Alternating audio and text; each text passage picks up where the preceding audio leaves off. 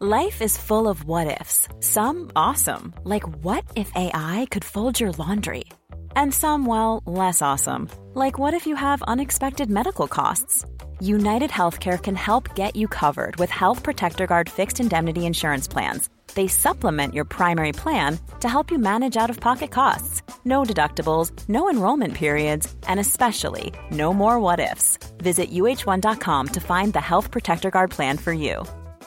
Hey, I'm Ryan Reynolds. Recently, I asked Mint Mobile's legal team if big wireless companies are allowed to raise prices due to inflation. They said yes. And then when I asked if raising prices technically violates those onerous two year contracts, they said, What the f are you talking about, you insane Hollywood ass? F- So to recap, we're cutting the price of Mint Unlimited from $30 a month to just $15 a month. Give it a try at mintmobile.com slash switch. $45 upfront for three months plus taxes and fees. Promo for new customers for limited time. Unlimited more than 40 gigabytes per month. Slows. Full terms at mintmobile.com.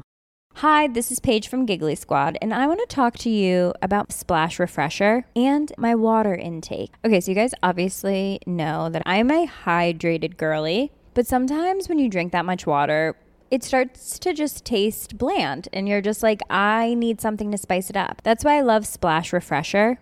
It has zero sugar, zero calories, and it's a splash of sweetness. And they come in five different flavors. They're so good. Wild berry, acai grape, pineapple mango, lemon, and mandarin orange. My favorite is the wild berry because I just I just love a berry. So if you're like me and you're drinking water all day, then try Splash Refresher. It's going to absolutely change your water game and it's good for you.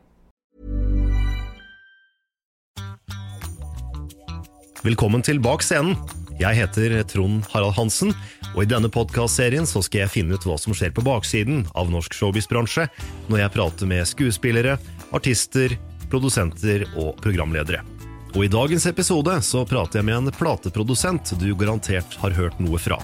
Han starta studio- og plateselskapet Talent. Han har skapt plateserier som På treff med, Countryfest og Frem fra glemselen. Han har produsert artister som Inger-Lise Rypdal, Unit 5, Finn Kalvik og Tramteatret.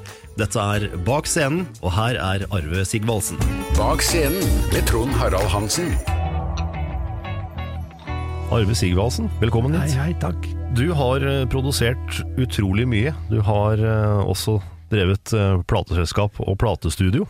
Ja. Hvordan var det du havna inn i den bransjen her? Ja, det er tilfeldigheter. Absolutt tilfeldigheter. Etter jeg har gjort ferdig skolegang og utdannelse og dro i militæret, så havnet jeg opp i Tromsø, Indre Troms, og eh, begynte litt håndball på den tida. Kom med på bataljonslaget.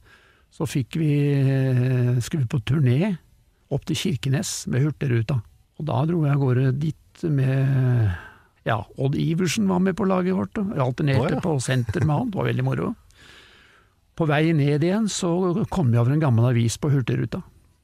Bak på det bakerste dekk, litt sånn regntrukken og sånn, og der sto det Nera i Oslo søkte repertoarassistent, en som da kunne tenke seg å jobbe med musikk og markedsføring. Og det, og de representerte jo blant annet RCA, med selveste Elvis så mye fint, så det var jo bare å søke. Så jeg sendte inn en søknad, og eh, fikk et positivt svar. Da var jeg oppe i Finnmark, og lå i sånn svensketelt på en sånn måneds eh, utplassering på Finnmarksvidda. Og da eh, var jeg interessert i den søknaden, og ville ha litt mer på dokumenter, som jeg ordnet med. Og så sendte det nedover, så kom det et nytt brev. At de syntes dette var så interessant at de ville holde jobben åpen til jeg dimitterte. Og den dag i dag, så jeg tenker på mellom to punktum i første avsnitt, så var det 92 ord. Så jeg hadde med en forsiktig mann å gjøre. så det var liksom ikke noe som var garantert. Men jeg møtte opp opp i Norabakken eh, på Nera, RCA, da i eh, 11. juli 1967 og fikk jobben. Og eh, hvorfor det ble musikkbransjen? Altså, jeg har eh, aldri vært musiker. Bare sånt i eget bruk. Men eh, musikk i familien min, så er jo alle faren min og brødrene hans og sånn, de spilte jo alle sammen. Så det var mye musikk. Men har du noe utdannelse innafor det faget her, eller, eller var det ikke mulig å lære seg det på skole da? det var vel ikke noe egentlig skole for det. Jeg hadde jo tatt artium, eh, realfag, og så sånn eh, studentfag på trader, så det var mer sånn kommersiell retning. Og, eh, men da gikk jeg jo inn i en periode, jeg var der i seks år, og eh, hadde ansvaret for eh, alt, bortsett fra klassisk musikk. Og da ansvaret da var det alt fra å finne artister, fra å promotere det internasjonale, reise på masse møter og møte de andre internasjonale kollegene. Så det, altså de seks årene der var jo en absolutt utdannelse. Jeg begynte som sagt 11. juli, og ja, fikk høre på noen prøveplater og skulle sette null på det som ikke var noe, en kryss på de vi kunne gjøre noe med. Og så fikk jeg hilse på de som jobbet der, og på fredagen så sa min foresatte John Johansson, reportasjesjef, sa på mandag skal du ikke hit, da skal du rett i studio. Roger Arnolf-studio, St. Olavs gate 26. Ja vel. Han har aldri sett et studio i hele mitt liv. Og eh, kom dit, og der eh, satt en eh, østtysker som heter Meni Bloch, han var tekniker. Og det sto et band ute i studio som hadde rigget opp og sto ferdig, som kom fra Bodø og hadde vunnet en talentkonkurranse, og de kalte seg One Two Six, med frontfigur Asbjørn Krogtoft, ASA. Så vi fikk sammen en singel, to låter, i løpet av den fredagen. Så det var min første produksjon. Hvordan var det man gjorde innspillingene da? Det var vel ikke så veldig mye f- Nei, det var flerspors da, stereo. da? Det var stereo. Det var så vidt det var stereo. Det var nettopp kommet, og det har faktisk vært en del eh, diskusjon om dette var den første norske stereosingel. Det kanskje det var. Oh, ja. Den het Veto og Little You. Og måten du tok opp på var at du måtte jo ta alle beslutninger på forhånd. Du måtte bestemme panoreringen, altså hvor i lydbildet de forskjellige instrumentene skulle ligge. Klanger, eh, frekvensområder, alt dette måtte være på plass, og balansen. Så spilte du inn kompet, så hadde du en maskin til som du flyttet den tapen over til, og så spilte du av fra den, samtidig med at du la inn nye pålegg, da, enten det var flere gitarer eller sang eller kor og sånne ting. Så det var jo, det var jo en tidlig fase. Nitidig arbeid, da. Ja da, det var jo nitidig arbeid, men du kunne ikke mikse etterpå, sånn som du kan i dag. Så alle, alle beslutninger måtte tas, og det gir, jo, det gir jo Jeg mener at det gir en ekstra nerve i mange av de produksjonene som kom da. Det gjør jo det. Det er jo på en måte live, sjøl om du har på noen Akkurat. instrumenter Ja. i ettertid. Ja. Det var vel også litt begrensninger på hvor mange ganger du kunne gjøre det, med tanke på, på sus og støy. Ja, det, du hadde mye å gå på der, altså. Du hadde kunne, Ja, men eh, ja, det, det kunne du. Ja. Det har jo vært folk som har gjort 40-50 tagninger og sånn, men det går fint. Men jeg har vært med på å slite ut teiper senere, hvor det kom over på flersporsopptak. Men det var en start, og det ble litt, litt ble ikke, ble ikke noe hit, men det var enkelte sånne popjournalister som sa at dette her eh, blir spennende å følge videre. Så gikk det ved tre kvart år, og til neste gang vi gjorde noe, et opptak Nera syntes det var greit å gå videre, og da eh, gikk vi i studio med samme gjengen fra Bodø, før påsken 67. Jeg tok litt feil, det var 66 dette første, jeg begynte i 66, ikke i 67, 66. Så, men over til eh, mars 67 så var Asa og gjengen tilbake, og da gjorde vi blant annet uh, Graveyard Paradise, som uh, enkelte mener er tidenes beste norske poplåt. Dagbladet kåret den til det en gang. Skandaløst nok, foran Alf Prøysens Du skal få en dag i morgen, så det ble jo gjort om. Å ja, det ble endra, ja. Ja, ja. ja da. Hvordan var det platebransjen så ut på den eh, tida her? Solgte man bra, eller gikk eh, platesalget treigt? Nei, det var eh, singelorientert. LP-en hadde liksom ikke slått ordentlig gjennom. Nei. Det var singelorientert. Nesten som i dag, vet du. Når du Ja, det er jo egentlig det, da. Egentlig er det det, for i dag er du der igjen, at du er helt avhengig av å treffe med én låt. Nytter jo ikke å komme i dag med svært album, i hvert fall ikke innenfor popmusikk. Ingen som hører på det. Det er ingen som hører på det. Ingen som har tid til det. Du skal ha én låt. Og sånn var det der også. Så eh, bransjen det, Når jeg kom inn i bransjen, så var det jo det De som var store, var jo Wenche Myhre, Pussycats. Eh, Det var jo liksom det. Og så var det Resten var historie. Det var nye ark hele veien der. Inger Lise Rypdal og Stein Inge Ja. Er jo også to som du løfta opp. Ja. Hvordan oppdaga du de? Det, det var altså ble gjort en del produksjoner der i 1967 og 68. Hadde veldig konsentrasjon på engelskspråklig popmusikk. Det var uh, Difference fra Trondheim, og vi gjorde flere singler der, og det var Så satt en kar oppe i NRK, da, en mektig mann som heter Svein Erik Børja, som produserte uh, blant annet Pussycats, så han var jo også produsent. Og han fulgte veldig nøye med på det jeg gjorde, så jeg fikk ofte kjeft av han, da, oh, ja. når det kom med noe nytt. Men vi var egentlig veldig gode venner, så når jeg skulle ha med nytt spilleutstyr på kontoret der oppe, da var det han som meldte seg, det skal jeg sette sammen, da skal du få et skikkelig fint anlegg.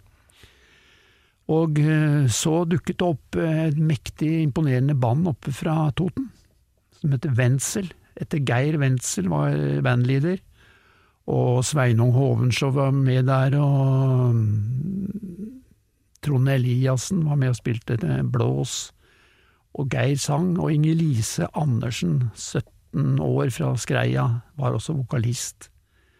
Og det Børja foreslo det, at vi, vi skulle samprodusere den singelen.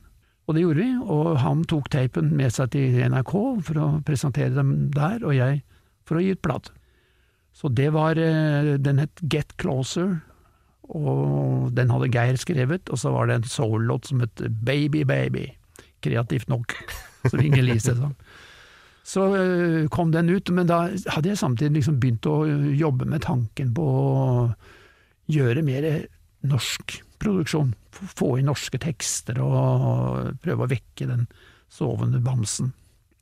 Spurte Inger-Lise om hun kunne tenke seg s- ta sjansen på en solokarriere, og det hadde hun lyst til. Så det ble sånn det var, og vi plukket sammen litt repertoarforslag, og vi hadde noen møter, og endte opp på Romeo og Julie, som var en uh, tysk låt som heter Henry Meyer, som har skrevet ganske mange låter og har orkester. Han hadde gjort den med Peggy March i Tyskland, så fikk vi uh, lov å gjøre den. Og da det var helt Det var ødemark når det gjaldt arrangører og musikere. Det var liksom ingen aktuelle. Alle de hadde hengt med Bukken og Nora Brogstedt og Det eneste var Karsten Klaumann, han hadde jeg mye samarbeid med, faktisk. Men akkurat i Romeo og Julie så fikk vi lov å bruke den tyske orkesterbakgrunnen. Så, vi Så var den originale, eller? Originalen, Mhm. ja. Og da mm, kom den, og så eh, var det om å gjøre å få sammen en tekst, og da eh, prøvde forskjellige folk. Spurte til og med tanta mi, som, som skrev bra selskapstekster, men det syntes hun var for stor oppgave. Så husker jeg ringte til Jul Hansen, som hadde levert med Generasjon, men han sa at dette har jeg slutta med. Så var det, som jeg hadde å gjøre med, Terje Mosnes, som da skrev for Poprevyen, og skrev veldig bra. Jeg spurte han, kan du tenke deg å gi et forsøk? Mm. Helt greit. Så dukket han opp med, med Romeo og Julie, sånn som vi kjenner den. Det var jo vanlig å oversette engelsk til norsk. Hvorfor starta man egentlig med det? Hvorfor hadde man ikke originalspråket? Det var veldig vanlig, det var jo sånn eh, verden var, og hadde vært i kanskje 50 år. At en god låt er en god låt, og eh, musikkforleggere det er, I Norge så har det vært en litt sånn eh, død bransje. Det, bare, bare går til Sverige, så var det noe helt annet.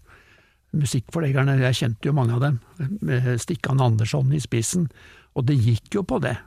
En god låt er en god låt, og den fortjener å bli gjort på både på norsk og svensk og finsk og fransk og sånn forskjellig. Så han eh, ble en god samarbeidspartner, Stikkan Andersson. Han, eh, han var ofte Jeg kunne ringe han, og så fortelle om en låt vi hadde lyst til å gjøre. Så satte han i gang sitt maskineri, og så fikk han tak i rettighetene, klarerte innspillingsrettigheter og sånne ting. Så ble jo Romeo og Julie ble jo en kjempesuksess. Vi gikk jo rett på topp i Norge. Og eh, det var aktuelt, vi dro og gjorde den på svensk også. Og da eksisterte det en svensk versjon, som ikke hadde gjort noe av seg, men så spurte vi Stikkan Andersson om han kunne skrive en ny tekst basert på Terje Mosnes' norske. Det gjorde han. Og så gikk vi i studio, og så ble det det samme i, i Sverige, så hun toppet listene der òg samtidig. Både Svensktoppen og Kveldstoppen, som har salgslista. Solgte 60 000 singler i Norge og 60 000 singler i Sverige. Det er mye, det. Det er mye. Ja. Men Steinar Ingebrigtsen han kom på førsteplass, eller delt førsteplass med ei, i en Ja. talentkonkurranse på NRK. NRK, ja. Og så plukka dere han opp etter, etterpå. ja. Plukka opp henne egentlig òg, faktisk. Eh, Hun het Ingunn Hjort. De kom jo på delt førsteplass, men eh, NRK tror jeg bare hadde råd til én premie. Kan arrestere meg på det hvis det ikke var sånn. Så det ble en omstemming for å skille disse to, og da vant hun Ingunn der. Men det var Stein som eh, jeg reagerte på, og eh, kontaktet han da. Og vi kom til enighet, og spilte inn Long Gone. Det var jo, den er skrevet av Jerry Reed, han Smokey and the Bandit og Guitarman US Mail for Elvis seinere. Ordentlig artig fyr, jeg har møtt han en gang borte i Nashville. Er borte nå, da. Men han hadde skrevet denne Long Gone, og Terje Mosnes eh, fikk vridd dette om til Langt hår. Og vi ga ut den, og da ringte Børja. Svein Erik fikk jeg mye kjeft. det syns han var fæle greier. Ja. Men er- den står seg den dag i dag, så folk har glede av den. Man har jo det. Ja, ja, men Du var jo også litt innblanda i den tidlige starten av platekarrieren til Finn Kalvik. ja.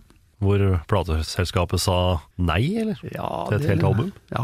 Jeg fikk et tips om eh, Jeg var jo en del på Ole Hauki, som var jo visesanger sjøl, og var eh, politiker for Unge Høyre, veit jeg. Og en veldig kreativ, aktiv kar, litt omstridt. Han startet opp noe som heter Dolphin viseklubb, nede i grensen. Og der eh, utkrystalliserte seg alle de som man kjenner til i dag. Lillebjørn Nilsen, eh, Finn Kalvik, eh, Kari Svendsen, Øystein Sunde, Lars Klevstrand. Alle disse dukket opp der. Det var veldig artig, og da mm, gikk jeg for å høre Finn Kalvik, for noen hadde snakket om du må høre på den der Finne meg sjæl. Og den, skal jeg si, jeg hørte, hørte på den sist i går, jeg, for drive og digitaliserte den, og da fant jeg endelig tak i den originale innspillingen. Oh, ja. Og den, er- det, han har gjort en del eh, re-recordings, men den aller første originale innspillingen, så den Da husker jeg Finn og jeg diskuterte om vi skulle gjøre litt mer popproduksjon, eller enkel, strippet ned som man eh, var på scenen. Og at vi havnet på det siste, da Finn ville det sånn. Så det ble Torgny Skogsrud som var med, noe som heter Gruppe Fire, vel. Han spilte fløyte og bass, og Finn spilte gitar og sang.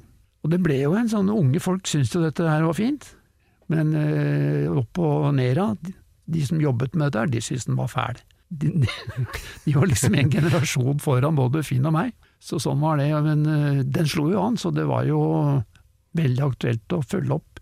Og vi snakket om å gjøre en LP, for Finn hadde repertoar nok til det. Mhm. Så han lånte han en sånn studiobåndopptaker eh, fra kontoret mitt, som han tok med seg til øvingsstudio. Og så lagde han demoer på alle sangene som han ville foreslå å ha med i et album. Så kom han med dette her, og sa jeg skal spille det for Vi skal ha et salgsmøte her på onsdag, så jeg spiller det da for eh, selgere og resten av eh, de som jobber her, og høre hva de syns. Det var greit, og så det gjorde jo jeg, da. Og de sa nei, Arve, det er så fælt, kan vi slippe? Han synger så fælt. Jeg tenkte det går jo ikke, kan jo ikke tilby han eh, sånt apparat. Så når Finn kom, da, var spent på reaksjonene, så sier jeg at du, du kan sette deg i, i stolen min, så kan du ringe til hvem som helst, så skal jeg løse deg fra kontrakten. Ja, ja greit. Så gjorde han det. Ringte gjennom veggen, for å si det sånn, for der på andre siden satt Totto Johannessen i fonogram, polydor. Og han tok imot Finn med åpne armer, hadde hørt, på, hørt sangen på radioen og Ja, send han over! Og det ble Tusenfryd og grå hverdag, med en tur rundt i byen og masse fine låter som eh, Nera gikk glipp av. Ja. Det angra de vel litt på, tenker jeg. ja, ja, det vil jeg Ja, jeg veit ikke. Det, de likte ikke stemmen hans. Det er subjektivt òg. Det er nesten rart det skal være sånn, men det er kanskje på en måte positivt. Oppi det hele, at det ikke bare er eh, dollars and cents, Men at det faktisk er noe annet òg, ja. Ja. Du har lov å ikke like noe. Det er lov, det. Ja. Heldigvis. Ja. Det blei jo også en del plateserier. ja. Hvor mye har de solgt? Har du noe Nei, tall, tall på det? Ja, det har vel det, kanskje. Men uh, Treffserien hadde vel var fem år på VG-lista. Hvis du regner uker, hvor de uh, lå, så lå det over fem uker. Fem år, mener jeg. Og vi solgte rundt 40 000-50 000 av hver liksom, i de gode, de gode utgivelsene. Men jeg vet jo, det er jo, alt er jo foreldet, men i USA så var det to bransjer. Én legal og én illegal. Og det var det samme i Norge. Okay. Så eh, du kan si på dagtid så holdt kassettfabrikkene og platepresseriene de holdt på å presse mine ting. På natta så presset de for eh, helt andre kunder, de samme variantene. Akkurat, ja. Det er ganske ille, men eh, jeg har én treffplate som på treff med nummer åtte, og den kom i tre forskjellige cover. Jeg hadde ett, da, men på et annet nett så var det en, en rød, rød stripe, den var blitt i oransje, og på et tredje cover så var bildene snudd. Og dette kan skje ved at de må hente fram filmene for å lage nye cover. eh, cover. Var, eh, Piratkopiering av LP-er, det er litt sånn det er eh, sånn, på, på sånn røfflig så vil jeg si at halve salget fikk jeg kanskje. Det, kan, det har jo, var jo andre serier, det var jo Frem fra glemselen og Countryfest. De solgte over 100 000, men de var ikke på langt nær så sterkt oppe på VG-lista. Så det fikk jo et liten indikasjon her. piratkopiering av LP. Det høres så merkelig ut. Ja, liksom det, det, men på kassett var det enda lettere, vet det ja, det er liksom enklere å Ja, så det var jo først LP-en eh, fikk jo råde grunnen aleine litt, men så kom eh, Stereo 8 på slutten av 60-tallet. Det var sånn de første cartridge.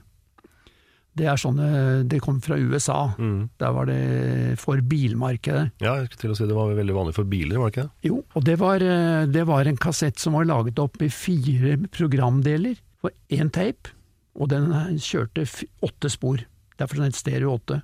Og de, så måtte du sørge for da, at de fire programmene var like lange. Det var litt av en utfordring å redigere det der. Så, men da åpnet det seg liksom nye markeder. Da kom liksom bilfabrikkene og Autogrip og Sørensen og Balken og Rønås Helmer og alle disse ble jo kunder. Mm.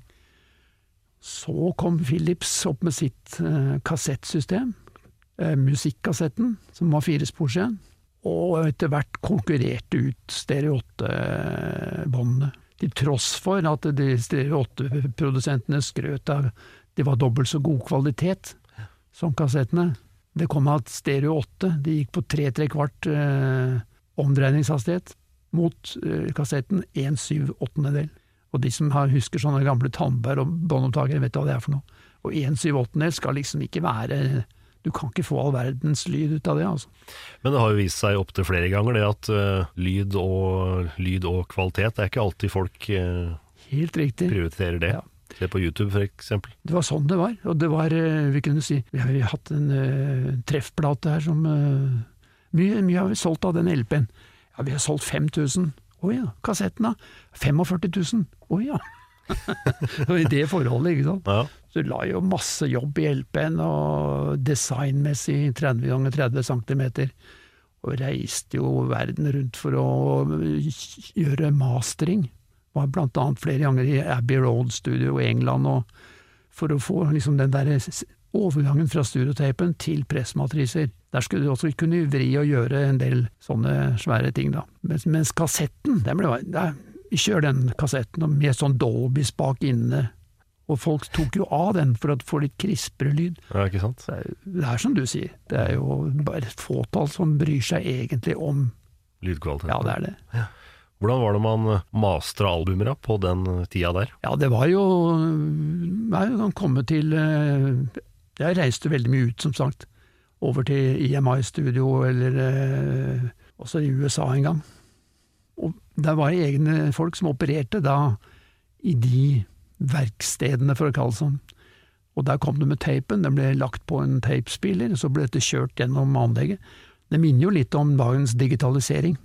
For da ble eh, lyden kjørt gjennom nye miksebord, og så kunne du ta hensyn til at dette skulle på LP. Si at du kunne ikke ha for tjukke båndfrekvenser, du, du måtte prøve å ta av litt der, sånn liksom redusere fra 60 til 80 hertz og ned til null. Det kan du omtrent ta vekk, for det er ingen som hører allikevel. Og, eh, og de tar bare plass i rillene. Så det er mye sånt som skal liksom Også ekstra komprimering for å få det til å sprake litt av LP-en. Så, og så ble det kjørt ned, da liksom, grafisk sett så ble det jo lagt en lakkplate, blank, på spilleren som var tilkoblet eh, systemet. Og så ble lyden fra tapen risset inn for første gang i denne lakkplaten, som skulle bli eh, produksjonsverktøy for LP. Og det var sånn at det, når du endelig var ferdig med den, så måtte du behandle den med omhu. Den tålte ikke mye surr. Nei, det vil jeg tro. Den tok hun med til Norge, og så til eh, Galvano-avdelingen, enten det ene eller andre presseriet, som tok eh, avstøp av eh, lakkplaten på sånne med aluminiumsplate, som vi kalte for eh, modermatrise. Matrise, ja. Mm. Ja. Og den var, den eh, var jo speilvendt, så kunne ikke spilles. Av modermatrisen så ble det laget en fadermatrise, som igjen var spillbar. Og av fadermatrisen så ble det laget pressmatriser, som ble spent opp i hver sin del av et, kall det gjerne vaffeljern. Og så ble det granulat i, lagt imellom, så ble det presset eh, til en plate. Det, er, det var ikke småtteri, liksom. Nei, det var ikke det. Så fikk vi prøvepress, da, vet du, og det var knitring, og det var Nei, dette må, går ikke, dere må prøve mer, prøve om igjen. Og mye sånn. Men sånn er det, det som er litt Nå er jo vinylen i stor grad kommet tilbake igjen. Den er på full fart inn. Den er på full fart inn igjen. Og det er kjempegøy. For å, være, for å banne litt i kjerka, for det, det du får med deg da, i forhold til CD-en, det er det som egentlig ikke skal være der. Det er eh, nordavind i inngangsrillene, det er liksom brumming, og litt sånn eh, ja, rumbling, da, som det Ja. blir av, eh, av granulaten. Men det er eh, igjen, når CD-en kom, så sier folk det låter da sterilt. Men det låter ikke mer sterilt enn det gjør i studio, for der er jo ikke sånn, eh, det er ikke platestøy der. Så det er et element som kommer inn i vinylprosessen. Det er pussig. Det, er ingen som- det er ingen som arrangerer musikk for å få med seg vinylstøyen. Nei, det er jo ikke det. Det er en del av lydbildet. Ja. Du startet også eget eh, studio. Ja. Du gikk ut fra Nera. Det gjorde jeg i eh, 1972. Da hadde jeg vært som sagt i seks år eh, i RCA, Nera. Lært veldig mye. og det, de, Mine foresatte, direktøren og reportasjesjefen, de var da skulle pensjonere seg. Det må du sagt, må du passe på, for dette nå blir det liksom din tur. Men når det nærmet seg, så ble det mange som ville melde seg på og var interessert i det der, å få en sånn posisjon. Så jeg, jeg telte litt på fingrene at jeg, hvis jeg begynner for meg sjøl, og gjør det jeg gjør nå, og, og bare jobber med norsk, så bør jo det kunne være mulighet for å gjøre det. Ja. Så det, den beslutningen tok jeg. Sa opp jobben, og så tilbød jeg en distribusjonsavtale i samme brevet. Og det, ble, det gikk begge deler i. ble akseptert. Ja. Ja da. Så da mm, var jeg ute på egen hånd. Slutten av 72. Kunne fortsette med treffproduksjoner hvis jeg døpte om serien. Fikk ikke lov å kalle den treff, men jeg kunne bruke en variant, så det ble på treff med. På treff, Ja. Og sa fra til artistene at jeg, jeg eh, kommer til å slutte. Dere må ta en beslutning.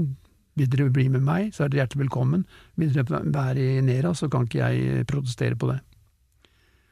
Så sånn var det. Da kom jo Inger-Lise og Stein var med umiddelbart. Eh, Gro Anita hadde litt igjen av kontrakten sin. Hun leverte en fin avskjedspresang. De fikk med seg eh, Viva i Spania. Å ja. Ja, ja. Det ble jo også en Ja. eh, stor, stor hit. det gjorde det. Da lagde du også eget studio, som var kjempebra.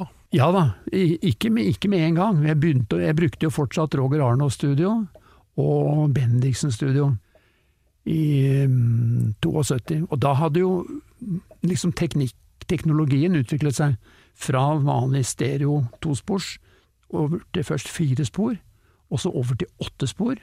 Og så sto vi på sprangen inn i 16 spor. Og da eh, blant annet eh, vi holdt på med å gjøre Inger Lises første talentalbum, som het Fra 4 til 70. Det kom i 1973. Og da satt eh, Den gjorde jeg vekselvis hos Arnoff og vekselvis hos Bendiksen. Så satt vi og mikset den der Jan Erik Kongshaug som tekniker, da. Og jeg satt og holdt på med å få lyd i en, en spennende dag for Josefine. Så jeg hadde insistert på at vi skulle spille inn den så live som mulig. Og der er både blåsere og strykere og trommer og gitarer oppe på loftet hos Bendiksen. Så det ble veldig mye overhøring. Det var en veldig vanskelig jobb. Og så vi holdt, vi satt der og holdt på til fire-fem om morgenen, vel. Og så utpå neste ettermiddag så ringte Kongshaug og sa Du, mente du det du sa i natt? Ja, hva tenker du på? Det med eget studio. Ja, ja, ja. så var vi faktisk i gang, for da hadde vi blitt enige om vi skulle hatt det. Kunne ta hensyn til sånn som verden så ut da, og vi kunne separere musikere og ha stort, ja, svært, øh, svære lokaler. Så var vi i gang, i 1975. 74-75. Så øh, Kongshaug sa opp jobben sin hos Bendiksen, og, og vi begynte å se oss om etter lokaler og utstyr. Og øh, ja, vi var i London med blant annet Bjørn Benum var med oss, vi tre, da. Dro av gårde og besøkte en fabrikk som da het Helios, som var sånn custom-built mixing console, da, og sånn idealistiske fyrer, vet du, unge, flinke folk, og da så hadde Jan, Erik klart for seg hva han ønsket. Så da ble det bygget etter de, etter de anvisningene. Oh, ja. Så fikk vi, fant vi lokalet til slutt. Vi var oppe i den der, eh, blant annet en låve ute i Sørkedalen, som ikke ble aktuelt. Vi var innom eh, Edderkoppen og hadde samtale med Einar Skanke om å ta over der, for da var det ikke noe drift der. Og han eh, indikerte en husleie som vi syntes var grei, så snakket vi med han Hallgrim Thon etterpå, som skulle ta dette her, og da var husleien doblet, så da så avsto vi der. Så var vi oppe i Trafostasjonen på Tøyen, da hadde vi blant annet med Egil Monn Iversen som eh, konsulent, da, og han var veldig begeistret, for det var veldig svært og fint. Men så endte vi nede i Kjølberggata, i eh, Kjølberggata 29. Gamle Kampen Mek, som hadde med alt det vi trengte, svær takhøyde og stort areal. Så gikk vi i gang å bygge det, da, den gangen med Erik Bøhler, som eh, skal ha mye æren for det. Han eh, hadde startet opp for seg sjøl, samtidig med meg. Vi var gift med hver vår kusine, så hadde mye med hverandre å gjøre. Spurte han kan du stå for dette her. Ja, det skulle han gjøre. Han satte litt flere folk, og samarbeidet samarbeid med Jan Erik bygde opp det studio. Med skråstilte vegger og flytende gulv og alt vi trengte av sånne ting. Kvadratmeter, 60 kvadratmeter kontrollrom og 270 kvadratmeter studio. Såpass, ja. Det er jo ganske, ganske 60 kvadratmeter eh, kontrollrom, Ja, det er jo det var deilig, vet du. romslig. Ja, stort og fint. Det høres eh, kostbart ut, da. Ja, det var jo det. Og så var vi eh, så unge, og i en bransje som kanskje ikke var så veldig ansett eh, hos bank og finans, så det var veldig, veldig vanskelig å få finansiering. Mye vanskeligere enn jeg trodde. Så måten å gjøre det på var at vi innstilte alle produksjoner som kunne liksom være risiko, men vi kjørte knallhardt på treff og Frem fra glemselen og Countryfest. Som alle seriene var startet opp før vi bygget Talentstudio. Som hadde det som et sånn grunnlag, og så Ja, bygde videre på det. bygde videre på det. Så på den måten fikk vi finansiert det. Og det var et av de råeste studioene i Nord-Europa. Ja, det var det. Ja da, det ble fremhevet i masse utenlandske magasiner, og Studio of the Month, et sånt renommert eh, teknisk magasin. Og det Jan Erik eh, hadde jo innledet et samarbeid med Manfred Eicher og hans ECM-selskap allerede når han var oppe hos Bendiksen. Da ikke så mye på grunn studiet var så flott, men at de syntes det var veldig fint å jobbe med han. Jeg husker Manfred Eicher sa til meg en gang han, eh, om Jan Erik Kongshaug. Han er jo kjent som gitarist. Nei, han, det- han er en av verdens beste bassister. Det er ganske så. Ja. Men i hvert fall så eh, Det ble gjort veldig mye, mange produksjoner. Ikke bare Talents egne, Men eh, mye internasjonalt. Før det her så var det jo to studioer som var ledende. Det var Arne Bendiksen studio, og det var Roger Arnoff studio. Ja. Hva syntes de om det her? Syns de det her var positivt å få en konkurrent for å sjøl bli enda bedre, eller syns de det ikke var noe særlig? Ja, det, nei, det tror nok det var blandede følelser, ja. Det var nok det. Så det ble jo en kamp om kundene. Den tror jeg på mange måter vi tapte, fordi vi fikk jo en del eh, norske selskaper til å begynne med, som kom inn og gjorde, men etter hvert så fikk jeg vel følelsen av at eh, de fikk veldig godt tilbud hos de andre, og at de følte kanskje å gå inn til oss var å gå litt inn i løvens hule, ettersom vi hadde så mye marked på norsk.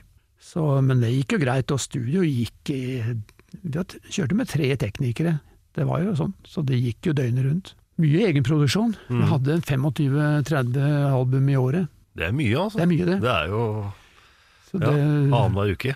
ja, er ikke sant. Det er, du har et halv måned på det. Så, men det var veldig mye av de produksjonene som På grunn av at det var så stort, så, så kunne vi ta mye på en gang. Separere det riktignok, men at du kunne ha både stryker og komp og alt sammen på en gang. Vi gjorde jo flere sånne. for det er et godt eksempel. Den derre Gråt ikke mer Argentina. Og den, eh, den var spilt inn live. Og der satt jo eh, 16 strykere der ute, og hun skulle synge samtidig. Så det, det krever jo litt. Og da får du en nerve. Sjøl om du da spiller inn det her live, så var studioet utformet sånn at du kunne redigere i etterkant. Ja da, det var jo det. 16 spors først, og så gikk, og kom vi opp til 24. Kjørte full automasjon i 1980, bygde inn sånn at du kunne liksom Dataalderen begynte å gjøre sitt innpass, du kunne, du kunne registrere de tingene du gjorde. Oh, ja. Til og med panoreringer og klanger, og så kunne du når som helst komme tilbake og fortsette det arbeidet der du, der du var. Sier du det? Ja. Yes, det, var- det var tidlig. Ja, det var tidlig. Ja. Det var det. Så var det. Av og til så kom det Behøvde ikke det store studiet. Jeg husker en av de siste produksjonene vi gjorde der, var vel ECM. Og kom inn i studio, og da var det to mann. Og de satt i en krok i kontrollrommet. Der gjorde de alt sammen. Det var Pat Metheny og Lyle Mace, og spilte den As Wichita Falls, Falls Wichita Falls. Og den eh, ja, Nå ligger den vel ikke der nå, men den lå i hvert fall to år på Billboards uh, Hot 100. Så den, da trengte vi ikke 270 kvadratmeter. Var- Nei, man gjorde ikke det da. Satt inne i kontrollrommet. Det kan ofte være like, like greit, det kanskje? Ja kanskje? da, ja da, absolutt. Du fikk jo eh, i 1975 så fikk du også Jens Bukk Jensen ut igjen på plate. Ja, det var eh, liksom et sånn eh, Når vi hadde bygd opp dette studioet, stort og kostbart, som du var inne på, så diskuterte jeg med Jan Erik skal vi gjøre en produksjon, liksom. Ryan Reynolds here from Mint Mobile. With the price of just about everything going up during inflation, we thought we'd bring our prices down. So to help us, we brought in a reverse auctioneer, which is apparently a thing. Mint Mobile unlimited premium wireless. Ready to get 30, 30, bit to get 30, bit to get 20, 20, 20, bit to get 20, 20, bit to get 15, 15, 15, 15 just 15 bucks a month. So, Give it a try at mintmobile.com slash switch. $45 upfront for three months plus taxes and fees. Promo for new customers for limited time. Unlimited more than 40 gigabytes per month. Slows. Full terms at mintmobile.com. Hey Dave, Yeah, Randy. since we founded Bombus, we've always said our socks, underwear, and t shirts are super soft. Any new ideas? Maybe sublimely soft. Or disgustingly cozy? Wait, what? I got it. Bombus. Absurdly comfortable essentials for yourself And for those facing homelessness. because one purchased equals one donated. Wow, did we just write an ad? Yes. Bombas. Big comfort for everyone. Go to bombas.com slash ACAST and use code ACAST for 20% off your first purchase.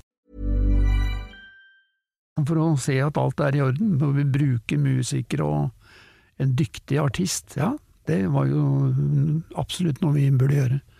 Og da falt valget på Jens Bukk Jensen, som eh, da liksom Jeg hadde aldri snakket med, men jeg ringte til han eh, samme kvelden, og eh, fikk høre to timer, satt og hørte på han med røverhistorier fra et langt liv i musikkens tjeneste. Ja. Han slo jo gjennom i 1933 som platesjarmør. Solgte vel tre millioner plater, er- pleier man å si. Det er jo helt sinnssyke tall. Ja, det er sinnssyke tall. Og øh, begynte teaterkarrieren sin og Chat Noir og dette her, og krigen kom, og han ble liksom nullstilt. Og på slutten av 40-tallet, helt inn mot 50-tallet, så fikk han et comeback igjen. Da kom jo nye, svære hits, og han var liksom i back in action. Så fade han ut igjen på 60-årene. Når jeg kom inn, så var det ingen som spurte etter han. Nei. Men i 75 så gjorde vi eh, denne, et dobbeltalbum. Eh, Den heter Det går ingen veier tilbake, og det ble et comeback igjen. Da var det Spellemannspriser og kåret til Nordens største grammofonartist, og fikk pris av Bing Crosby på Momarken, og det var liksom ikke Yes. grenser. Så det var morsomt. Og eh, så ble det stille igjen. Så kom han opp ti år etterpå med dette diktet sitt 'Det er lov å være blid', som vi laget en hel låt ut av og gjorde en lydbok. Som også ble en stor slager. Ja. Du legger jo også ned studio. Hvorfor, eh, hvorfor det etter så kort tid? Ja, det skal vi si til det. Det var eh, på slutten av 70-tallet. Så kom vi i en skvis. Bransjen forandret seg. Vi gikk på eh, svære smeller.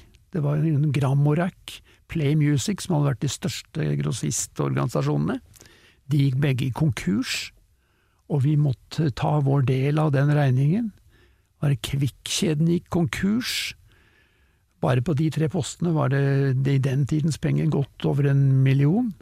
Og eh, vi hadde gjort, vært borti, som i og for seg var morsomt i seg sjøl, men i Los Angeles og spilt inn, eh, begynt på et album med Kristin Berglund. Hvor vi hadde fantastiske musikere. Vi hadde hele Totto-laget blant annet, som da holdt på å øve inn sitt første album. Hva man spilte på dette her. Men summen av det var at vi kom i en økonomisk skvis. Så innledet vi et samarbeid med CBS, med Per Jensen, som da ledet CBS. Vi skulle eh, slå selskapene sammen og, få dette til å gå videre. Så fikk han igjen beskjed fra CBS eh, internasjonalt at det er tøffe tider i bransjen, vi konsoliderer, ingen nye dealer skal gjøres, vi skal bare selge. Omtrent som vi gjorde når vi bygde studio. Så snudde jeg meg rundt til eh, der jeg egentlig kom fra, er Nera, som nå heter Disko, og eid av Bergens investorer, Elektrounion. Og der ble det en deal. Så laget vi noe som heter Talent Music Organization, hvor vi da hadde hele apparatet vårt. Og på den tiden var jo Jannicke inne, Tramteatret, alle seriene. Så det var voldsomt flott eh, norsk stall. Pluss eh, RCA, Motown, Areola med Bonnie M og masse greier. Så vi hadde en svær, fin katalog. Men midt oppi dette her så eh, valgte disse bergensinvestorene å i hemmelighet innlede samtale med Arne Bendiksen, få han til å ta over hele greia. Og så kjørte de gjennom dette, og da, da gikk jo lufta ut av alt. Det var det ingen som ville være med på. Nei, man går jo rett i løvens hule, på en ja, måte. CBS var godkjent av alle, Tramteatret og alle som var med, syntes det var en fin løsning. Men når Bendiksen kom opp plutselig, ikke snakk om. Alle nøkkelpersoner gikk og sa opp, og artisten sa det, dette er vi ikke med på. Så øh, jeg var med et halvt års tid for å liksom rede ut forskjellige ting. Andre begynte jo for seg sjøl i nye sammenhenger. Så gikk jeg vekk, øh, sluttet jeg jo da. Og da var jo studio der. Og øh, så gikk det vel et halvt års tid, så gikk jo hele greia konkurs med Bendiksen og, alt sammen. Så studio ble jo brukt en del, da. Det, I perioden etterpå, men så ble det også lagt ned. I dag så er det leiligheter der, og hotell i, i komplekset, og litt sånn forskjellig. Er det litt uh, rart, eller?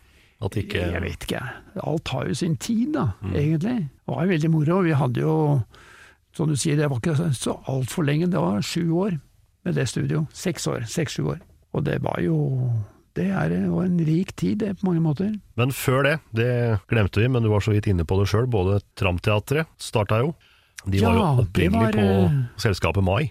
Ja, vi var jo blitt flere ansatte hos meg òg. Vi hadde Ola Johansen, produsent, som var tekniker hos Roger Arnoff tidligere. Han også var jo med meg veldig tidlig, før vi bygde eh, talentstudio. Han, jeg ansatte ham, så han kunne avlaste, vi kunne produsere litt hver for oss. For såpass mye mange artister var det etter hvert blitt tilknyttet selskapet. Og så bygde vi studio, og da kom eh, i tillegg til Kongshaug så kom eh, blant annet Petter Hoxin, som mange ser på, sendt på TV i dag. For han forteller om eh, hvordan du skal stille inn DAB-radioen din. Stemmer. Nei, sånn er det. Men i hvert fall så så holdt jo Tramteatret til nede på Tøyen der, de var jo ikke langt unna oss. Så ble det litt kontakt med Petter og Ola Johansen og Tramteatret. Så begynte de å snuse på oss, og vi var veldig gjerne samarbeid med dem. Så ble det faktisk et skrev avtaler og satte i gang. Så ble det Back to the 80s, som var det første albumet, som var jo kjempefint. Og, og Livet svinger og sånn, som ble norsk top hits. Som kanskje ikke skulle vært det, men det, var, det ble noe sånn. Ble Parodier er alltid veldig nær eh, det seriøse, vet du. Ja, Så, og så begynte, så begynte TV, var TV interessert i konseptet Pelle Parafins bølgeband og Serum Serum, og så ble det sånn det ble. Flotte greier. Det blei jo skapt uh, legendariske låter Ja, de gjorde jo det. Det er lyden av Ja. barndommen, det, er for Ja. ganske Ja. mange. Så de var jo med helt til The Bitter End, og gjorde jo disse som vi nevnte nå, og så det enkleste er Pistol. Og så må, måtte de ut på vandring, og det var over til Mariann og gjorde babylivet der. Det går alltid et korstog. Ja. Ja, ja, så var det vel på Sonett. uh, Ja, Studio B, nei, Big Hand Records. Big Hand, Big Hand. selvfølgelig. som besto av Ola Johansen og Ottar Big Hand. Ottar Big Hand kom inn i Talent Music Organization via at han jobbet for RCA. Så, um, så de brøt ut og startet sitt uh, Big Hand Records. Og hadde uh, fikk en Tramteatret der. Hadde Teddy Bears der, som også begynte på Talent. Og så kom det ei jente, hun var 17 år gammel, Ja. og sang Svake mennesker. Ja. Den var det også du som produserte? Ja, det var det. Nei, hun var tøff, hun. Hardt sminket og med nagler og skinnjakker og tøff som toget. Ja. Og øh, var liksom en eksponent for rock'n'roll, og det, da treffer du meg hjemme den dag i dag. Jeg syns det er Det er liksom the basic. Chuck Berry og Little Richard og dette her. Og der var hun. Og øh, hadde reist rundt med et øh, band, så vi tok dem inn i studio og kjørte gjennom en sånn session, hvor hun fikk øh, kjøre med sånn demosession, da. Kjøre rockelåtene. Og så begynte vi å snakke litt om Hun skriver egne låter, og så ble det tatt ut to låter til å starte opp med. Sin egen stil, som hun hadde skrevet et par år før, og så Svake mennesker. Så diskuterte vi rytmen på det, og vi endte opp i den raggy-formen, da. Og da samarbeidet jeg også med nye folk. eh, hadde jo jobbet veldig mye med Terje Fjern og Pete Knutsen. Har liksom vært de faste husarrangørene. Eh, Pete Knutsen er mer Pop og Ace, det var jo det bandet som var våre studiemusikere. Så, men da så hadde jo Lava kommet opp, eh, med Rolf Graff og Marius Müller og sånn. Og vi hadde vært så vidt vært borti Marius Müller, vi tok inn eh, et album med han og Trond Granlund og eh, Salt og Pepper. Mm. Så jeg tok kontakt med Marius og lurte på om han kunne tenke seg at vi samarbeidet om eh, denne produksjonen. Som han som sånn session leader. Som litt amerikansk mønster, at du, du skriver ikke ned arrangementet, men du legger opp eh, typear. Og så spiller du det i, sammen i studio. Jeg hadde jo ni, nipugga ACDC i forkant, for å høre hva soundmessig og hva de gjorde og sånn. Ja. Så ble det han og Rolf Graff og Per Hillestad på trommer. Det var liksom de, de tre kara som uh, gjorde svake mennesker og sin egen stil. Men det var jo en del av A-laget, det. Ja, det var jo A-laget. Absolutt. Det var veldig moro, og det, de også syntes det var gøy. De syntes det var gøy. Det var, eh, og Marius fikk jo et løft òg, han fikk jo da sin egen karriere ganske raskt, med Den du veit og sånn. Det var liksom spilt inn veldig mye samme perioden. Ikke hos meg da, men eh, på Universal eller Polygram. Underveis så blir jo studio digitalt. Ja. Alle studioer blir jo etter hvert digitale. ja. Du eh, oppholder deg mye i, i et annet studio. Ja, Rainbow eh, Studio? Rainbow Studio, ja. Kongshaug han eh, gikk fra bordet litt før Talent eh, røyk over ende. Så da hadde han fått et visst press på seg. Han hadde tre sønner og kona hans og sånn, de bodde ute i Ski. Og så oppe i Trondheim, vet du hvor han kom fra, så var det Kan dere ikke komme hit og liksom være med familien litt og slå dere til her? Så ble det sånn, da. Så han gjorde det. Og så opererte han fra Trondheim og reiste til New York og München og sånn når Manfred Eicher trengte hjelp, eller til Oslo. Sånn. Men etter hvert så ble det veldig mye familie. han, så øh, han ville finne på noe nytt, og da kom han øh, Det blir 1983, 82-83 tror jeg, og lurte på om det var aktuelt å bygge et nytt studio, om jeg kunne tenke meg å bli med på det. Så fant vi lokaler borte på Grünerløkka, og så var det Odd Ragnar Lund, fotograf, han var med på det. Erling Neby var med på det, som medeier. Jan Erik Kongshaug og uh, meg, og igjen Erik Bøhler, som ble med som partner og bygget det studio borte i Grünerløkka Folkets hus. Og det, det lå i annen etasje, og uh, jeg tok tredje etasjen, hadde var 90 kvadratmeter kontor. Det, det var bare sånn det ble. og så, så, ble det et veldig bra studio. Veldig bra. Og uh, i 1985 så ble det digitalisert. Da var det slutt med de gamle studiotapene, da var alt digitalt. Og det var akkurat uh, For meg var det veldig fint, for jeg hadde Altså, etter uh, talentgreiene så begynte jeg Fant jeg ut at jeg kunne lage sånne mediakassetter. Tidlig på 80-tallet, 82-83. Med Ernst G. Mortensen. De hadde Det Nye og Nå og Norsk Ukeblad og sånne ting. Så liksom etter mønster altså Senere kom jo Absolute Music på samme måten, kanskje. Mm. Så øh, sette sammen et repertoar, delvis lisensiert fra andre, og delvis produsert sjøl. Og så laget du en Nå-kassett eller en nye kassett eller øh, sånn, og så kjørte ukebladene en annonser og omtale, og så kjørte vi distribusjon via Narvesen. Så der kom Kate Gulbrandsen inn som artist også og Rolf Løvland, jeg samarbeidet med han, eh, sånn teknikerprodusent. Og så, eh, helt på slutten av eh, midten på 80-tallet, 85, så bestemte vi for Norsk Ukeblad å gjøre en sånn serie med eventyr. Og da mm, De var med på det, å markedsføre Asbjørnsen og Moe. Og da hadde akkurat studiet rukket å bli digitalt, det var veldig fint, for da kunne du spille inn tale uten å få med deg båndstøy og det som vi var innom i stad. Så da fikk jeg snakket inn Lars Andreas Larsen, og Jarl Goli, og Henke Kolstad og Wenche Foss. Så gjorde vi eh, fire-fem timer eventyr. Det var veldig morsomt. Og dette er jo morsomt, for det brukes den dag i dag. Det, det er blitt en uh, serie ut av det òg. Når man da gjorde det her uh, digitalt, hva slags, uh, hva slags, medium var det man brukte da? Var det fortsatt teip, men på en annen Ja, ja. digital teip. Digital teip. Ja og en eh, digital opptaker. Svært drog som kostet et par millioner kroner den gangen. Var det en stor endring i studio? Ble det enklere å, det enklere å produsere? Eller ble det, det gjorde det egentlig endring? ikke. Nei. Nei. det gjorde ikke det. Det ble det samme med antall spor og Det ble mye på samme måten der. Det var først og fremst innspillings... Eh, innspillings... innspillings...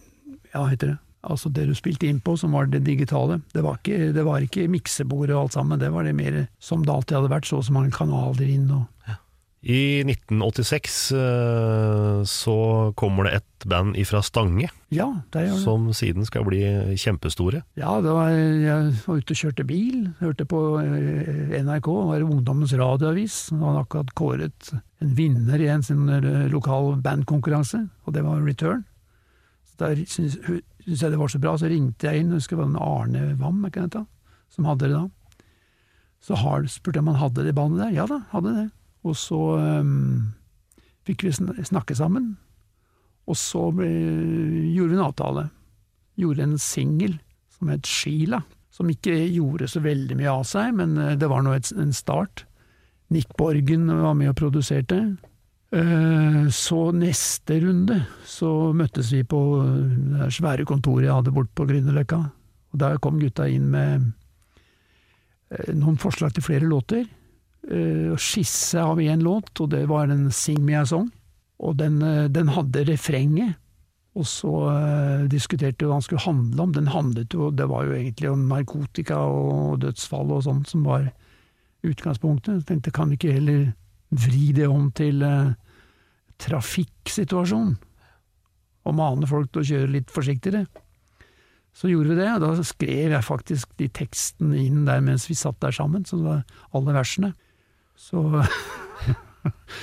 så sånn ble det gjort, og så gikk vi i studio og spilte den inn. Og eh, med hjelp av Pete Knutsen var med og arret på den, og eh, kom plata ut. Og så presenterte vi den for uh, Manne Kjøs, han gjorde en video på den på den tiden der. Og han hadde god kontakt med trafikk og Trygg Trafikk, som hørte på den og syntes den var fenomenal, og sa at dette her dette her uh, kan vi gå for. Så de stilte seg liksom bak låta og sendte informasjon ut til alle sine medlemmer. Så kom den på norsktoppen og lå vel nummer én i, så lenge den kunne, helt til de måtte endre reglene for å bli kvitt den. Noen og 60 uker. Det er spesielt. Ja, det var spesielt. Men, men, det, det er jo Vi gjorde én LP, da. Mm. Så etterpå så ble de guidet over i Sony. Levde videre der. Ja. De holder jo på enda, enda. De gjør jo det. Du hadde også et samarbeid, et samarbeid igjen med Finn Kalvik i 88. Ja, Endelig fikk dere jobbe sammen igjen. ja vi gjorde det. Finn kom til meg da og lurte på om jeg ville høre på nye låter han hadde, særlig én låt, da. Så det var Livets lyse side, og den syns jeg var veldig, veldig fin. Så um, vi gjenopptok, gjenopptok liksom bare vennskapet og samarbeidsviljen. Det var morsomt. Og han eh, ble inspirert sjøl, så han gikk hjem og skrev låter nesten hver dag. Og sendte, eh, kom og presenterte dem, og det var jo veldig mye fint. Så i stedet for å satse på en singel, så gikk vi for fullt album. Og eh, da hadde jeg nettopp begynt et nytt selskap. Og så var det en artist til som også jeg hadde jobbet med fra midten av 80-tallet. Først eh, han var med et band, vokalist i et band, countryband, med to pluss to pluss to. De hadde vunnet en talentkonkurranse borte i Sverige, så kom de inn via det. Så gjorde vi en singel som het eh, Alle vil vi gratulere. Og så sprakk det bandet, og så gikk han videre med to jenter fra bandet som eh, kalte seg for Run with the Girls. Der gjorde vi en låt som het Hot Summer, og den eh, fikk vi ut i ti land i Europa. Yes. Men han, er, øh, han var en sånn kameleon, han kunne synge alt. Og det kan han en dag i dag òg. Så jeg spurte hva, hva er det du liksom Hvor skal vi angripe dette? Hva er det du egentlig liker?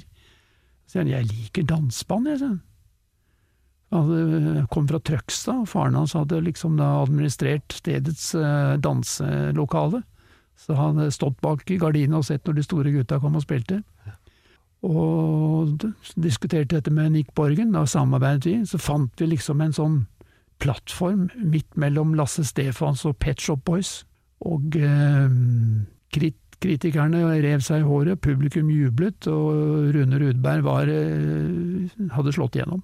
Og det var samtidig med Finn Kalvik, så var de, to, de to albumene ble gitt ut helt samtidig. Livets lyse side, altså Ut mot havet. Og det er to låter som står like bra i De gjør jo det. 2017, det. Snart Ja. 2018 også. Ja. Hadde, jeg må jo si at det var morsomt å tenke på i ettertid. Vi lanserte de to platene samtidig. På litt uortodoks måte. Da broren til Geir Hamnes, missegeneralen, Sven, han er flyver. Oh, ja. Flyr for Norwegian i dag. Men han, synes, han var liksom den oppfatning at eh, livet på bakken, det var helt uinteressant. Det var oppe i luften. Der skulle det foregå. Så jeg gjorde en liten avtale med han, en sånn fire- fireseters Cessna. Så tok vi av fra gamle Fornebu og ned til eh, Tønsberg og eh, Kristiansand, Stavanger, Bergen, Trondheim og eh, til slutt, helt til slutt til Trysil. Til Trysil òg, Ja, ja, og samtalte med radiostasjoner og pressefolk og, og sånn, lanserte disse to platene. Og det var eh, Når vi kom til Trysil, det må jeg si, altså, det Da Vi kom veldig skeivt ut den andre dagen. Vi ble forsinket med fly og sånne ting, så vi- jeg ringte til eh, grossisten som skulle ha dette her arrangementet i Trysil. Det var på en bensinstasjon her. Stor bensinstasjon. Må, jeg tror nesten vi må droppe det der, for eh, vi er så seint ute. Å nei, nei, det kan du ikke gjøre. Det er annonsert, og de, dette tar dem så alvorlig, så dere må dra. Ja vel, Vi dro, og kjørte og ga beskjed om at vi er så og så forsinket, men eh, kom innover Trysil, vet du, og der var ikke noe tårn lenger som kunne fortelle oss noe særlig. Vi måtte se etter hvor skal vi lande, det skal være en flyplass et sted. Ja. Så var det en sånn glenne inn i skauen, da. Der skulle vi ned. og der sto det en kar som het Ola Meljordshagen og venta på oss. Og kjørte, og assistenten hans. Og så kjørte vi ned til til bensinstasjonen på Trysil. Og der var det liksom da satt opp plakater, og folk hadde kommet og gått, og det, siden ikke artistene kom. Men eh, så Finn, han var sliten og trøtt. Han kunne være sånn. Og da Arve, dette her, dette er bare tull, dette gidder jeg ikke. Nå skal jeg til Oslo. Nå er det bare- å komme av gårde. Og jeg så liksom maskene på disse her som jobbet eh, på stasjonen, de ble litt lei seg da. Det var liksom sånn Så kommer Rudberg, eh, så sier han du, syns jeg skal gå bort til han Meljordshagen, og så sier jeg det at beklager at det ble som det ble, men jeg kan ta med meg bandet mitt og komme opp her og spille gratis på en eh, av de kommende lørdagene. Ja, det syns jeg jeg skal gjøre. Så gikk han bort til han Olav Meljordshagen, og han jobbet og var agent for den største grossisten. Han hadde ansvar fra eh, Røros til Jessheim. Eh, og så gikk han bort og sa at de foreslo at han skulle gjøre det. Og jeg så eh, han Meljordshagen, han liksom omfavnet den, og så assistenten hans begynte å grine. Og så eh, ble det en avtale. Og da, når vi skulle dra derfra, så var vi fire mann etter fly, så eh, det var litt tvilsomt å komme opp med alle fire. Så jeg sier jeg kan ta toget, så kjører dere tre. Så kjørte han, eh, Ola Meljordshagen meg til eh, Hamar, da, så vi tok eh, toget derfra. Og da på vei dit så satt vi og pratet sammen, og, sa, og han kunne jo ikke fullrose Rudberg. Det var en real fyr, sånn. Dette var moro. Og da hadde Kalvik solgt vel 8000 plater per den, per den datoen der, og Rudberg oppe i fem. Men så snudde det bildet seg, altså. For da hadde Rudberg solgt vel 180 000.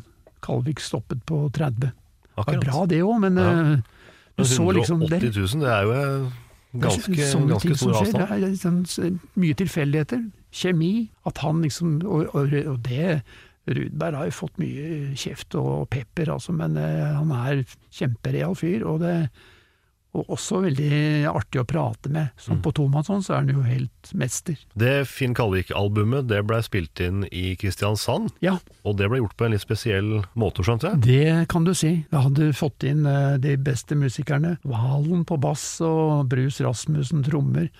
Og han um, ja, eh, Rasch på keyboard. Og, og Finn på gitar. Så vi begynte å, å jamme gjennom låtene og spille. Det låt jo så fint. Alt var stilt inn. Så um, nå tar vi opp. Uh, ja. Så gjorde vi et opptak, og så jeg skal få høre på dette her. Nei, det er ikke noe å høre på. Å, har vi ikke tatt opp? Nei, jeg bare samplet instrumentene. Å ja. Det var liksom, så jeg ble litt sur. Jeg tenkte det, det, er, det er greit det at det, det nye tider og andre måter å gjøre ting på, men når du først har de beste musikerne og har et bra take, så Da bruker du det. Det skulle liksom vært gjort, men det var han bare samplet lydene, også for å kunne programmere det etterpå. Så da øh, Det var et, et ublidt møte med den digitale verden. Ja. Men øh, så det ble et fint album, vi gjorde det jo ferdig, og Finn og jeg bodde i hver vår hytte inne på eh, Sabeltann-området der, og, og sånn. Og så mikset vi det i Rainbow Studio. Mens Rudbergs ble gjort ferdig i, i, i eh, Göteborg. Göteborg var det. ja. Nick Borgen, i Judsport. Men der var det folk som spilte. Ja, det var en blanding. Sett, det var sånn som eh, Nick eh, han ville aldri helt informere. Han ble alltid ført opp en eh, fyldig musikerliste, men det kunne være en del alias pseudonymer der. Ja. For han gjorde jo mye av instrumentene sjøl, og programmerte og spilte om hverandre. På den tiden der, det var liksom midten på 80-tallet, da mm, begynte sånn. Eh, og eh, hvis du skal ha masse strykere, så og de, du syntes ikke du hadde råd til å hyre inn 15-16 filharmonikere. så hyrte du inn et par stykker, og så la du det på toppen av en syntetisk eh, strykbilde. Mm. måter å gjøre det på. Men det er vel kanskje vanlig i dag òg, det? I dag er det jo det. Eh, Musikerens tid er nesten forbi. Ja. I hvert fall i sånn som du hører norsk produksjon nå, som er jo veldig sånn uh, Veldig digitalt, da. Det er jo det. Men det funker jo, det jo. Ja da, absolutt. Du hadde også samarbeid med Dag Frøland. Ja, Uh, han uh, kjente, vi kjente vi er i samme så vi kjente hverandre etter hvert ganske godt. Og han, han midt mellom alle revyene og sånn, så skrev han tekster. Kom eh, og henta fire-fem eh, låter, og mens Jorunn ventet nede i bilen, og så dagen etterpå så kom tekstene. Ja. Bare pseudonymer. Skulle ikke vite at det var han. Da hadde alle Arthur von Dusse, og det var ikke grenser. Stein Ingebrigtsen, Dag Spantell, Inger Lise sang disse tingene. Da. Så, men Arthur von Duss. Ja.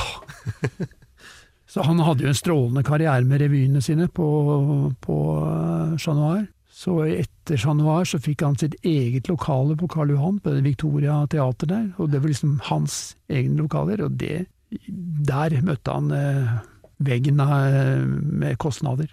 Det gikk jo ikke, så det var jo bare å avslutte det. Og da gikk han inn i en vanskelig periode for seg sjøl, men vi samarbeidet, eh, digitaliserte revyene hans. eh, Reproduserte dem på videomarkedet. Fem, fem av de revyene. Og eh, Eggemont ga ut det.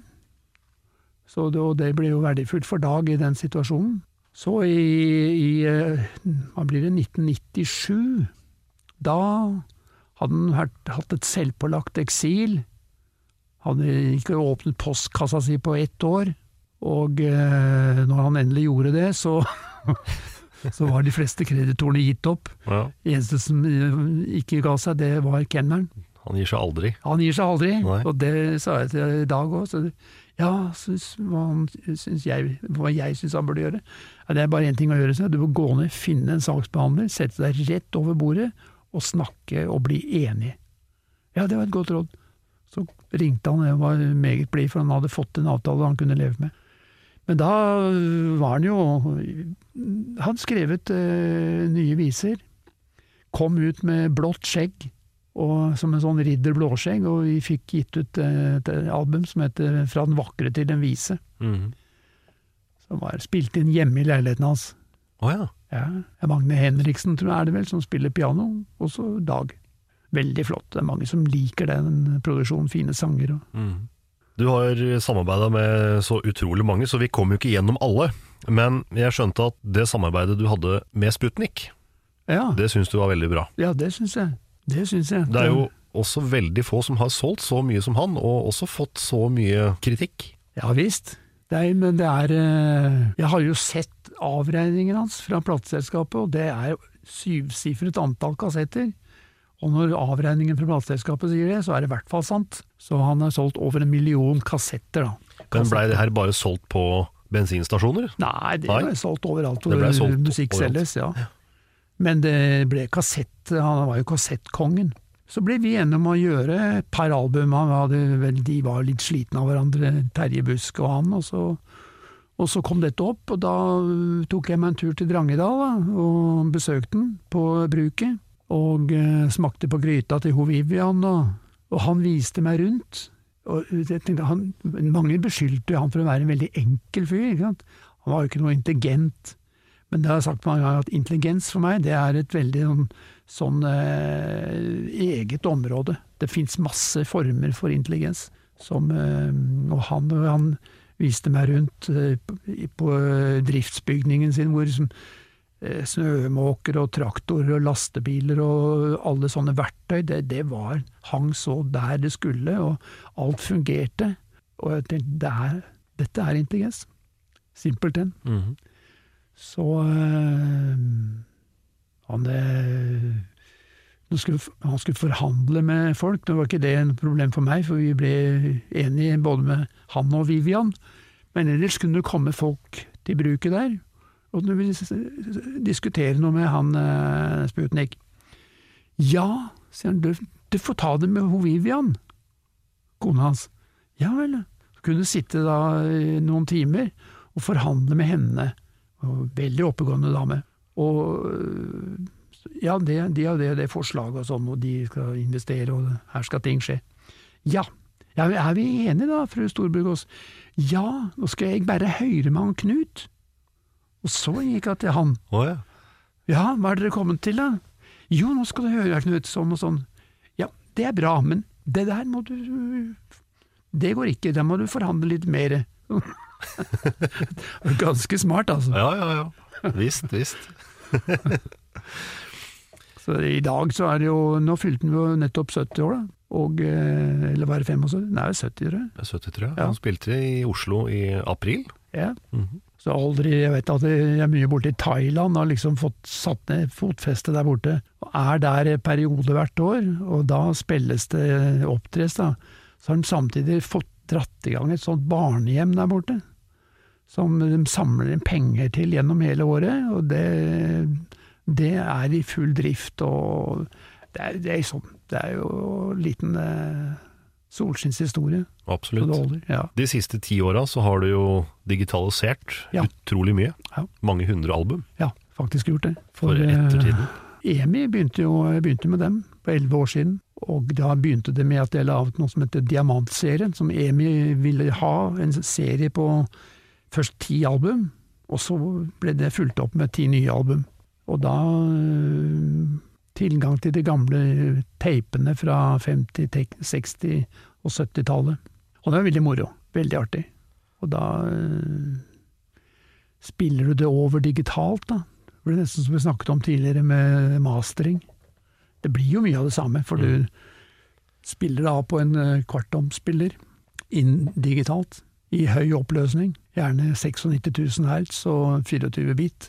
Og så har du gjort det, og det lagrer det, så det, da ligger det som en base. Kan du når som helst gå inn på det albumet og plukke ut de enkle låtene.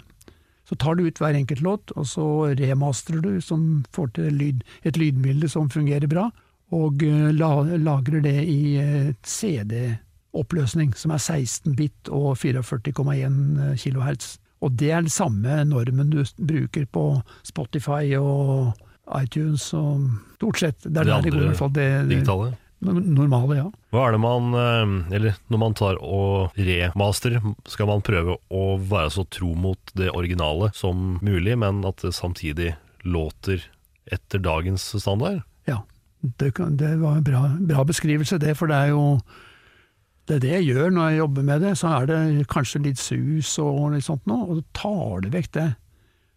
I den grad du syns du kan gjøre det. Du må ikke ta for mye, for da øh, kan du øh, endre lydbildet til noe som ikke er så bra. Du kan heller ta med deg litt av den øh, støyen der hvor du ikke, hvor du ikke er sjenerer, da. Og så får du opp et lydbilde som du kanskje liker godt å høre på i dag. For du tenker på at det, da er du igjen, i hvert fall de 50-60-tallsteipene, og 70-tallet òg, så kommer du bak utgivelsene, bak platene, bak kassettene. Du kommer liksom inn til det beinet. Det første som ble rekordet. Ledd nummer én, liksom? Ledd nummer én, ja. Så når du vet at de brukte ofte ledd nummer én, og gikk i sånn cutting age i Stockholm eller eh, Abbey Road Studio i London for å frese opp det lydbildet fra den tapen, så, eh, så er du helt ned på basic, og da har du også lov til å frese opp det lydbildet litt, og, som vi også som regel har gjort. Så at du får opp et lydbilde som du syns er fint å høre på. Det, det er jo subjektivt, da. Mange måter. Men det er subjektivt, men du må jo passe på at det, at det frekvensområdene og sånn er innenfor gitte standarder, så du ikke overstyrer og ødelegger lydbildet. Det er veldig mange produksjon, utgivelser i dag, som, du, som går på CD. Nå er det ikke så mye CD lenger, men ikke i Norge i hvert fall. Men som du kunne, kunne ta hjem en CD og ta opp lydbildet, legge det inn på systemene og se på kurvene. Det se helt jævlig ut. Altså det som skjært med kniv. Ikke sant? Og da er det altfor kraftige utstyringer. Loudness War, er ikke det det, det heter? Jo. Den hvor de, ja. Ja, Den ser ut som en firkant. ja nemlig. Der, ja. nemlig. Du, det her syns jeg var utrolig hyggelig. Ja, takk i like måte. Kjempehyggelig at du kunne stikke innom. Bare hyggelig. Bak scenen med Trond Harald Hansen.